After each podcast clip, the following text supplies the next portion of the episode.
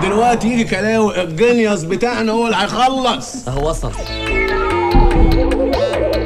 أهلا بيكم. أنا أحمد عبد الفتاح وأنتوا بتسمعوا بودكاست الجيل. البودكاست اللي بنتكلم فيه عن التكنولوجيا والعلوم وحاجات تانية كتير.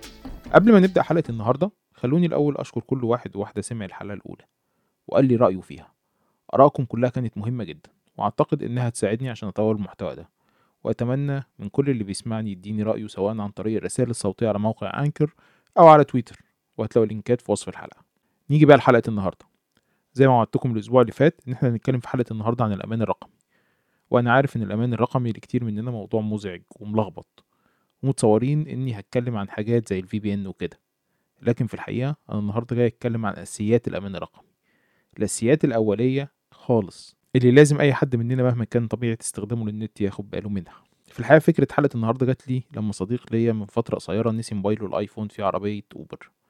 الصديق كلمني بما إني ال geek يعني وكده وسألني يعمل إيه؟ وفي الحاله دي كان قدامنا حل من اتنين. الأول هو شركة أوبر نفسها إن إحنا نقدم شكوى عن طريق التطبيق. الحل التاني هو استخدام خاصية Find My iPhone اللي موجودة على كل أجهزة ابل بدأت مع صديقي نجرب الطريقتين بس اكتشفت إنه ناسي password حساب ال iCloud اللي مربوط بتليفونه و password account أوبر. وبعد محاولات استمرت يومين بدأنا نفقد الأمل إن الموبايل يرجع. وبدأنا نحاول نشوف طريقة نقدر نرجع بيها ال data اللي عليه خصوصا الصور والأرقام. برضو كان قدامنا نفس المشكلة وهو إنه مش فاكر ال password بتاع ال iCloud. وحتى لما عرفنا نفتح ال iCloud بعد محاولات كتيرة اكتشفنا إنه ما كانش بيعمل backup لل data بتاعته. المهم بمعجزة وبعد يومين السواق رجع الموبايل. بس الدرس اللي استفاده صديقي من اللي حصل دون إنه كان مستهون بامانه الرقمي وإنه لازم ياخد وقفة ويظبط الموضوع ده.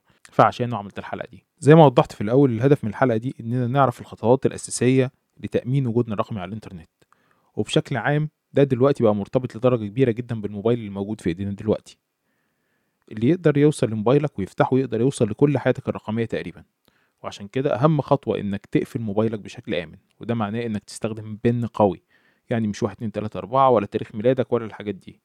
والأفضل كمان إنك تستخدم password مش PIN ويكون password قوي. طبعا أغلب موبايلاتنا دلوقتي بتتقفل كمان ب biometric يعني زي بصمة الصباع أو بصمة الوش وده بشكل عام طريقة فعالة لتأمين الموبايل بتاعك. لكن الاستثناء هنا بعض الموبايلات خصوصا من الشركات الصينية اللي بتستخدم تقنية بصمة الوجه من غير ما يكون فيها حساس عمق أو ماسح قرنية وبتستخدم بس الكاميرا الأمامية. الموبايلات دي ممكن تنخدع بسهولة عن طريق صورة مطبوعة لوشك. لكن بشكل عام بصمات الأصابع أو بصمات الوجه زي اللي موجودة في الآيفون آمنة جدا. كده يبقى امنا الموبايل بشكل مبدئي. نتنقل بقى لتاني أهم حاجة لازم نأمنها وهي عناوين البريد الإلكتروني. وعناوين البريد الإلكتروني أو الإيميلات مهمة لأنها بترتبط بيها كل الحسابات اللي عندك زي مثلا account فيسبوك أو تويتر أو إنستجرام وحتى account ال iCloud كل ده مربوط بإيميل بتاعك.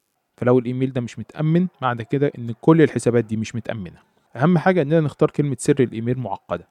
أغلب المتخصصين بيوصوا إنها تبقى أكتر من 8 رموز وأرقام وحروف والحروف تبقى capital و small وابعد طبعا عن كلمات السر المعروفة زي 1 2 3 4 5 6 7 8 أو password ما تتساهلش ابدا مع كلمة مرور الإيميل بتاعك. وده اللي بيودينا لنقطة مهمة جدا وهي إنه من الضروري تستخدم password manager أو مدير كلمات سر. نركن بقى موضوع الإيميل على جنب ونتكلم شوية عن ال password manager وهنرجع تاني الايميل بس لأن موضوع ال password manager ده مطول معانا النهارده ومهم جدا. ال password manager ببساطة برنامج بيحافظ لك على باسورداتك عشان ما تبقاش مضطر تحفظها. في برامج بتحفظ الباسوردات دي على الإنترنت وفي برامج بتحفظها على جهازك أنت بس. بشكل عام أغلب البرامج اللي بتحفظ الباسوردات على الإنترنت بتقوم بتشفير الباسوردات فما بتقدرش تشوفها أو تعرفها. وحتى لو اتسربت بتبقى معلومات ملهاش قيمة لأنها مشفرة. برنامج ال password manager زي ما قلنا بيحفظ باسورداتك وكمان بيقترح عليك باسوردات جديدة لكل account بتعمله وبيراعي في ده شروط الأمان اللي قلت عليها. مثلا أنا password إيميلي مكون من 30 حرف ورقم ورمز. أنا طبعا مش حافظه ولا أعرفه أصلا. بس هو محفوظ على ال password manager اللي أنا بستخدمه. فمش محتاج أحفظ إلا password واحد بس اللي بيدخلني ال password manager بتاعي. وطبعا غير password إيميلي ال manager عليه باسوردات كل حساباتي التانية. مهم جدا تستخدم password manager بيستخدم تأكيد الهوية بخطوتين. يعني مش بيفتح لما تحط له ال password بس لكن كمان بيطلب منك خطوة إضافية لتأكيد هويتك. زي إنك تدخل كود اتبعت لك على الموبايل. وهنا برضو بنرجع نشوف مدى أهمية الموبايل إن هو ال hub الأساسي أو المركز الأساسي لكل حياتنا الرقمية.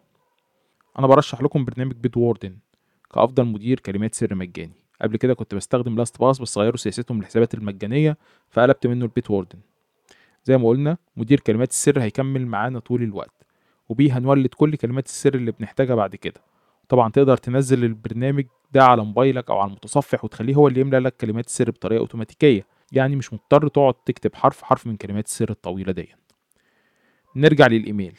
عملنا له كلمة سر قوية خلاص بال password manager بتاعنا أو مدير كلمات السر. مهم جدا بقى نفعل خاصية تأكيد الهوية بخطوتين برضه ولو الإيميل اللي بنستخدمه مفهوش الخاصية دي بلاش نستخدمه أصلا. لأن ده معناه إنه لو حد عرف كلمة السر بتاعتك هيوصل لكل حاجة عنك بمنتهى السهولة. لكن مع خاصية تأكيد الهوية بخطوتين كلمة السر ملهاش قيمة من غير وجود الخطوة التانية اللي غالبا مربوطة بموبايلك. كمان انت لو بتستخدم موبايل اندرويد أو بتستخدم خدمات جوجل بشكل عام فحساب الجيميل بتاعك مهم جدا لأنه مرتبط بموبايلك وكل ال data اللي عليه والصور اللي على حساب صور جوجل وجهات الاتصال اللي على Google Contacts إلى آخره. فمهم جدا تأمنه. ولو بتستخدم آيفون فالإيميل اللي رابط بيه ال iCloud مهم جدا تأمنه لأن هو اللي مربوط بيه كل أجهزتك. كتير جدا كنت بقابل صديق رابط account ال iCloud على إيميل قديم ومش قادر يوصل له. وبالتالي حصلت مشكلة على الآيفون بتاعه ومش عارف يحلها لأنه مش قادر يفتح ال iCloud ولا الايميل دي كانت حالة صديقي اللي اتكلمت عنه في الأول. كده امنا الإيميل تمام؟ بيجي في الأهمية بعد الإيميل حسابات التواصل الاجتماعي المهمة عندنا زي فيسبوك وتويتر مثلا. ودي هنعملها زي الإيميل بالظبط. برضه password قوي وتحقق بخطوتين. بعد الإيميلات وحسابات التواصل الاجتماعي نيجي بقى للحسابات الأقل أهمية زي حساباتك على مواقع التسوق مثلا. طبعا لو رابط كارت ائتماني بالحساب فالحساب هنا مهم لأنه ممكن يسحب فلوس من الكارت بتاعك. أو مواقع شبكات التواصل الاجتماعي الأقل أهمية ليك زي مثلا account SoundCloud كل المواقع والحسابات دي مش محتاج ليها قوي موضوع التحقق بخطوتين. وحتى ممكن تخلي الدخول ليها بحسابات فيسبوك أو الإيميل بتاعك وتوفر على نفسك حساب جديد وكلمة سر جديدة تعملها.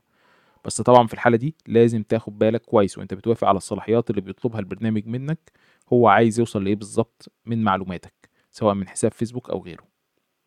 ولو حاسس إنه طالب صلاحيات زيادة ارفض واعمل حساب جديد عادي باسم مستخدم وكلمة سر جداد. نصيحة عامة في موضوع الباسوردات وكلمة السر بشكل عام. إياك ثم إياك تستخدم كلمات مرور واحدة لكل حساباتك لأنه ببساطة ده بيخلي مجرد تسريب حساب واحد ليك بس على أي شبكة أو خدمة أو موقع دمار كامل لكل حياتك الرقمية لأنه بيؤدي لاختراق كل حساباتك التانية.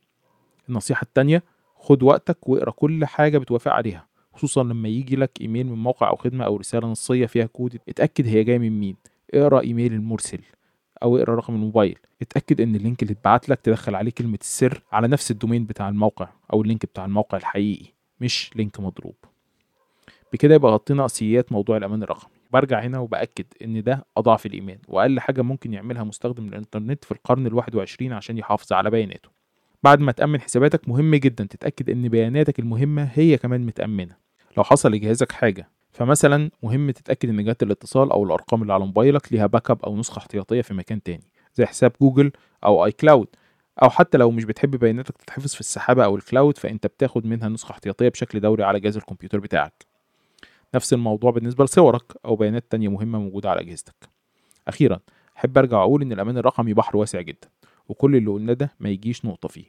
أتمنى تكونوا استمتعتوا واستفدتوا بالحلقة وأرجو إنكم تتابعوا البودكاست على منصة البودكاست اللي بتسمعونا فيها دلوقتي ولو مش عارف بالظبط يعني اشتراك وبودكاست ووقعت في إيدك الحلقة دي بالصدفة فأنصحك بشدة تروح تسمع الحلقة الأولى من البودكاست واللي كان عنوانها كل ما يحتاج أن يعرفه مستخدم البودكاست عن البودكاست والأهم إنكم تقيموا الحلقة وتبعتوا لي آرائكم لو حابين.